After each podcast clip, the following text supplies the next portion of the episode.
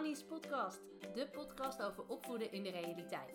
Want hoe mooi het in de boekjes ook staat omschreven, als moeder van vier jongens weet ik als geen ander dat dat in de praktijk toch vaak heel anders uitpakt. Mijn naam is Annelies van Bouw Opvoedcoaching en ik laat jou zien hoe jij ervoor kan zorgen dat je kind beter luistert zonder dat je eerst boos moet worden of moet dreigen met straf. Op een nuchtere, praktische, humoristische en realistische manier. Veel plezier met deze aflevering van Annie's podcast.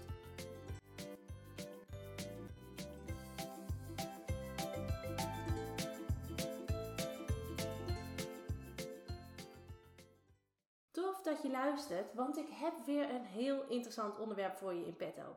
Want je kent vast wel dat gevoel dat je met je kind uh, uh, het gesprek aangaat, maar dat je het gevoel hebt dat je boodschap totaal niet binnenkomt. Ja, dat kennen we allemaal. Uh, je hebt het gevoel dat je kind, nou ja, uh, weet je, volledig iets anders lijkt te doen. En nou ja, dat je net zo goed tegen een muur had kunnen praten. En daarom ga ik vandaag een van de tips delen uit mijn gratis webinar. Uh, vijf tips om het gesprek met je kind aan te gaan. Zodat je niet langer het gevoel hebt dat je tegen de muur praat. Daarin deel ik vijf hele waardevolle tips met je. En één daarvan ga ik nu alvast in deze podcast delen. Als je nou interessant vindt om de andere vier tips ook te horen, meld je dan aan voor het gratis webinar. Ik zal de link in de beschrijving van deze podcast zetten en dan uh, zie ik je wellicht daar. Want uh, een heel belangrijke tip is, als je het gesprek met je kind aan wil gaan, zorg ervoor dat je kind naar je wil luisteren. En Jacqueline vertelde mij het volgende verhaal en dat wil ik graag met je delen. En ze zei, als ik met mijn kind wil praten over zijn gedrag, dan is hij zo brutaal. Hij kijkt me niet aan, hij stopt zijn vingers in zijn oren en hij luistert totaal niet naar wat ik te zeggen heb. En hij maakt me dan razend. Ik kan hem gewoon niet bereiken. Nou, en Jacqueline is daar niet de enige in. Heel veel ouders herkennen dit verhaal. En het is ook heel frustrerend als je je kind wil bereiken, maar je het gevoel hebt dat je totaal niet binnenkomt. En het zorgt ervoor dat je soms met je handen in het haar zit hè, en je het gevoel hebt dat je geen idee hebt hoe je hem kan bereiken. Je lijkt volledig langs hem heen te praten. Hij lijkt volledig in een andere wereld te zitten. En ik ga je vertellen, dat is ook zo. Want wat er namelijk gebeurt, is dat je kind zich letterlijk en figuurlijk voor je afsluit. Hij vindt het namelijk helemaal niet fijn om te horen. En daarom staat hij ook niet open voor wat je te zeggen hebt. En dat kan je letterlijk terugzien in zijn houding. Net als bij Jacqueline, bij wie haar zoon zelfs zijn vingers in zijn oren stopte, om maar niet te horen wat zijn moeder zei. En eigenlijk is het niet zo gek, hè? Ik heb dat in de vorige podcast, in aflevering 30, ook al gedeeld. Maar een kind wil het liefste liefgevonden worden. Vooral door zijn eigen ouders. Nou, als je daar meer over wil weten, luister dan vooral ook even uh, de vorige aflevering. Um, maar nogmaals, een kind wil dus het liefste liefgevonden worden.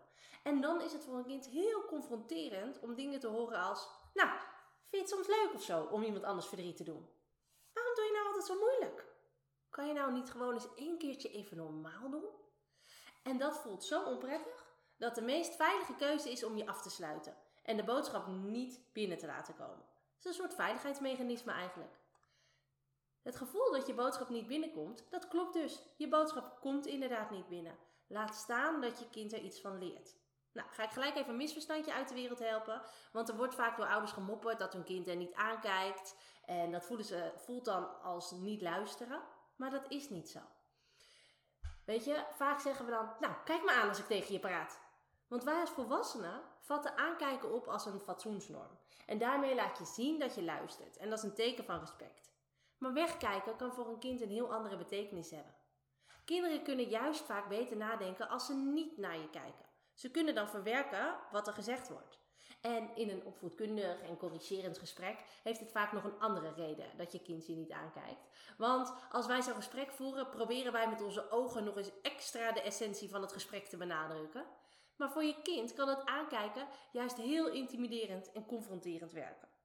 En dat zorgt ervoor dat ze zichzelf nog meer op slot zetten en jouw boodschap nog minder binnen zal komen. En uh, ook dit heb ik in de vorige podcast gedeeld, maar hij is te belangrijk om niet te herhalen. The child who needs the most love will ask for it in the most unloving ways. Weet je, je kind wil niet graag vervelend doen, maar hij weet gewoon niet hoe het anders moet. En probeer het daarom echt te zien als een kind dat eigenlijk smeekt om hulp. En nogmaals, een kind dat zich lastig gedraagt, heeft jou tien keer harder nodig dan het kind dat zich vaak wel positief ge uh, gedraagt. En als je het zo bekijkt, hè, heeft jouw kind dus geen baat bij preken en verwijten richting zijn gedrag, maar heeft behoefte aan steun en begeleiding van jou, van degene waar die het meest van houdt. En als jij wilt dat je je kind ondersteunt door middel van het gesprek dat je met hem voert, dan zal je met je hele communicatie moeten laten weten dat je hem wilt helpen en dat je hem ondersteunt. Zelfs als je het totaal niet eens bent met het gedrag dat hij heeft laten zien. En daarom is het ook zo belangrijk om niet tegen je kind te praten. En eigenlijk is dat niet praten, maar is het vooral preken. Maar om met je kind te praten.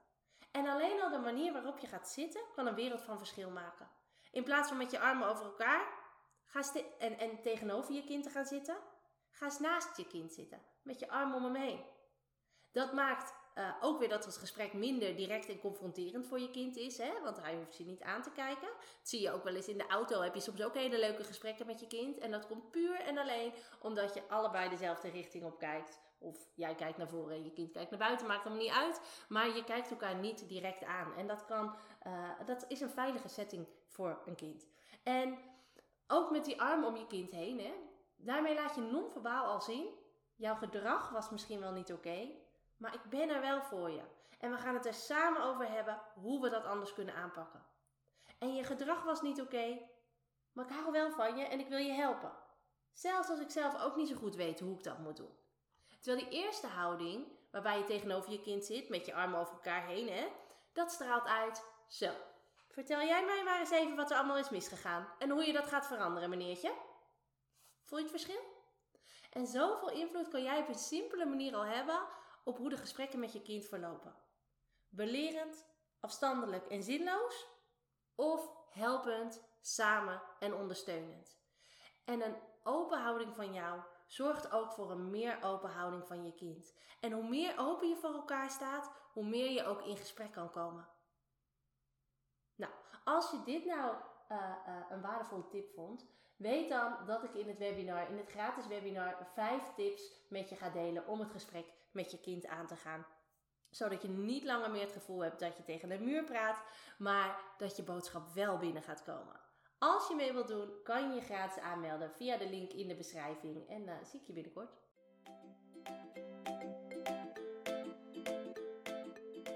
Super leuk dat je deze podcast hebt beluisterd. Kan je nou niet wachten tot de volgende aflevering van Annie's podcast?